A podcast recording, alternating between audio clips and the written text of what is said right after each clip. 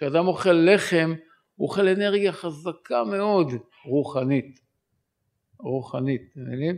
שזה שלמות הקדושה זה בלחם, בחיטה. כתוב במשניות, הרי חיטה היא באה מהאדמה. כשאני מברך על מלפפון, מברך בורא פרי אדמה, עגבניה בורא פרי אדמה, חיטה היא גם מהאדמה. למה מברך המוציא לחם מן הארץ? אז אומר היכין ובועז שמה, אתם לא מכירים את זה אבל זה פירוש של המשניות, הוא אומר מה ההבדל בין סתם מלפפון לחיטה? שכל שאר הירקות והפירות הם לוקחים אנרגיה מהשכבה החיצונית של כדור הארץ. אבל החיטה לוקחת מכל הכדור. זה אנרגיה חזקה מאוד. לכן יש בחיטה הרבה קדושה. לכן שעושים מעל משקל מסוים וזה תלמדו את ההלכות שילמדו אתכם רבניות איך לעשות את זה צריך להפריש חלה האדם הראשון היה חלתו של עולם, כלומר כל העולם היה בקדושה, יש ברוך הוא לקח ברא אדם אחד שהכניס בו את כל הקדושה. והאדם הראשון הוא היה הקדושה של העולם וכל העולם חולין. אחרי שאישה מפרישה חלה היא בעצם מתקלת את הפגם שלה שהיא עשתה בפגם מחלתו של עולם.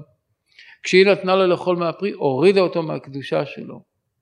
הוא ירד זה גם אשמתו אבל היא התחילה את זה לכן המצווה של האישה זה מצווה אדירה, הפרשת חלה בערב שבת. נשים שעושות את זה אומרות למה הסתירו את זה מאיתנו עד עכשיו, הן מרגישות משהו בנפש, כך אומרות לי, שעד שלא עושות את זה פעם ראשונה לא מבינות כמה זה פועל בתוך הנפש.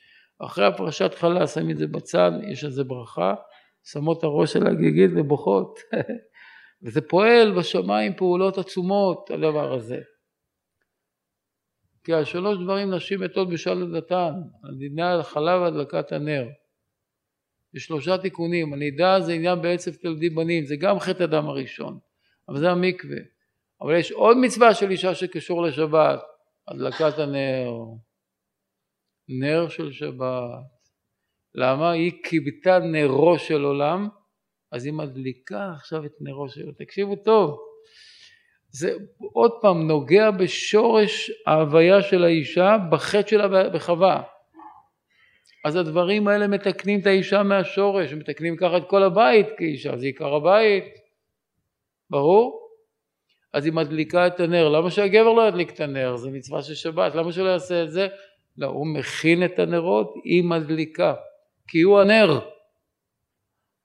זה לא לא כמו בסלנג היא מדליקה אותו, כן, זה לא, לא, לא פתאום בא לי כזה, זה לא, היא מדליקה את הנר, מה לעשות, הידרדרנו קצת עם הסלנג הזה. מה זה נר? ראשי תיבות נפש, רוח, או ראשי תיבות רוח, נשמה. אור הנר נשמת האדם. נר בגימטריה 250 שתי נרות של שבת כמה זה? 500 כמה איברים יש לאדם? רמ"ח איברים 248 תרשמו כמה יש לאישה? 252 לא חשוב לא נפרט בזה זה כתוב ביחד כמה? 500 שתי הנרות האלה עושות שלום בין איש לאשתו נרות שבת זה משום שלום בית. ולא מבינים כל כך למה יש פלורסנטים יש זה לא מה צריך את האור של הנרות? וואו מה שהנרות שבת עושים. איך שמדליקים את הנרות שבת מתחיל עליית הנשמה. בהדלקת הנרות אם אישה מקבלת שבת מתחיל שם עליית הנשמה. זה דברים עצומים. זה נראה לנו כאלה דברים פשוטים כי התרגלנו וכולי זה תיקונים גדולים מאוד מאוד מאוד. תראו אחרי חורבן, אחרי, אחרי החטא הדם הראשון נחרבה הקדושה.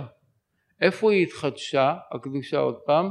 בבית המקדש. בעניין בית המקדש זה היה השראת השכינה כמו שהיה למעלה ככה זה נהיה למטה לכן בית המקדש שם שורה השכינה. יהודי בערב שבת צריך להפוך את הבית שלו לבית מקדש. מה יש בבית מקדש? יש כמה מרכיבים מאוד מאוד חשובים שהם בעצם המהות של בית מקדש. הכי חשוב זה קודש הקודשים, לא נתעסק איתו עכשיו. מחוץ לקודש הקודשים יש מנורה, יש שולחן, יש מזבח הקטורת. שלושה דברים בתוך הקודש, מנורה, שולחן וקטורת. אדם שמכין לשבת צריך להכין את הבית שלו שיהיה מקום להשראת השכינה. לכן השולחן הוא מרכז הבית בשבת. שולחן שבת זה כנגד מזבח, נקרא שולחן הפנים שהלחם עליו. היה בקודש לחם הפנים, שם זה השולחן. נרות, כתוב נרות בדרום, שולחן בצפון. הנרות זה הנרות שהאישה מדליקה כנגד המנורה של בית המקדש. והקטורת, מנהג המקובלים להריח, יש הדסים, מי שיודע, מי שבעדות הספרדים יותר נוהגו בזה מאשכנזים, אולי כי לא היה להם באירופה, אבל הדסים וכל מיני, בעיקר הדסים שמריחים, שבאים בבית כנסת, מריחים, עושים סיום מסביב לשולחן, זה רק המקובלים, אנחנו לא עושים את זה, זה דברים מאוד מאוד גבוהים. הדקל למזבח הקטורת. אדם שעושה את זה מכין את הבית שלו להשראת הקדושה. שיהיה לו את המנורה, את המזבח, את לחם הפנים, הכל יהיה שם. לכן צריך להכין את האוכל, צריך להכין בגדים, צריך להכין דירה. מתי יהיה גמר התיקון? קדמתי רגלין ברגלין יהייתם מלכה משיחה. גמר התיקון הוא לא להתנתק מהחומר ולהיות מלאכים בשמיים. גמר התיקון הוא להוריד את הקדושה, זה ההבדל בין יהדות לכל מיני תורות אחרות. שאנחנו מקדשים את החומר, מקדשים את הזוגיות, מקדשים את האוכל, מקדשים את הכסף, מקדשים כל הדברים שמורידים אנשים אחרים, היהדות נותן לנו דרך לקדש אותה, וזה נקרא קדמתי רגלין ברגלין, כלומר שרגלי עולם אצילות, שזה העולם העליון הרוחני הטהור, ירדו לתוך העולם הזה, אז יהיה איתם מלכה משיחה, אז יבוא מלך המשיח, כשיהיה, וזה נקרא יום שכולו שבת. מי שמכין בערב שבת ועושה את השבת, ככה יהיה לו השבת של העתיד לבוא. זה בדיוק אותו דבר, זה שכפול, רק היום זה עם כיסויים, ולעתיד לבוא זה יהיה עם הכנות. ועל הזמן הזה של הכנות לשבת, מאוד מאוד חשוב כי לפי זה נקבע השבת של הבן אדם. כמה שאדם טורח יותר לפני שבת, להכין את המאכלים, להכין את הבית וכולי, עם כוונה רוחנית, אפילו שהוא מזיע בהכנות זה מוציא ממנו את כל הקליפות בערב שבת, ואז יקבל את השבת בשמחה, כי כתוב צדיקים מאוד פחדו מהזמן הזה של ביאת משיח, כי ידעו את הסבל שיהיה לפני כן. עד כדי כך שאחד אמר ייתה ולך מיניה. יבוא משיח שיבוא, אני אשמח מאוד, אבל לפניי או אחריי, לא בזמן שאני חי. למה? לא רוצה להיות באותו זמן מרוב הסבל והאיסורים שיהיה באותו זמן. כי זה כתוב שצריך ממש. מה כתוב על הזמן הזה? שכתוב ש... בזה אני אסיים בעזרת השם, זה חשוב לדעת את הדברים האלה כי זה עוד מעט.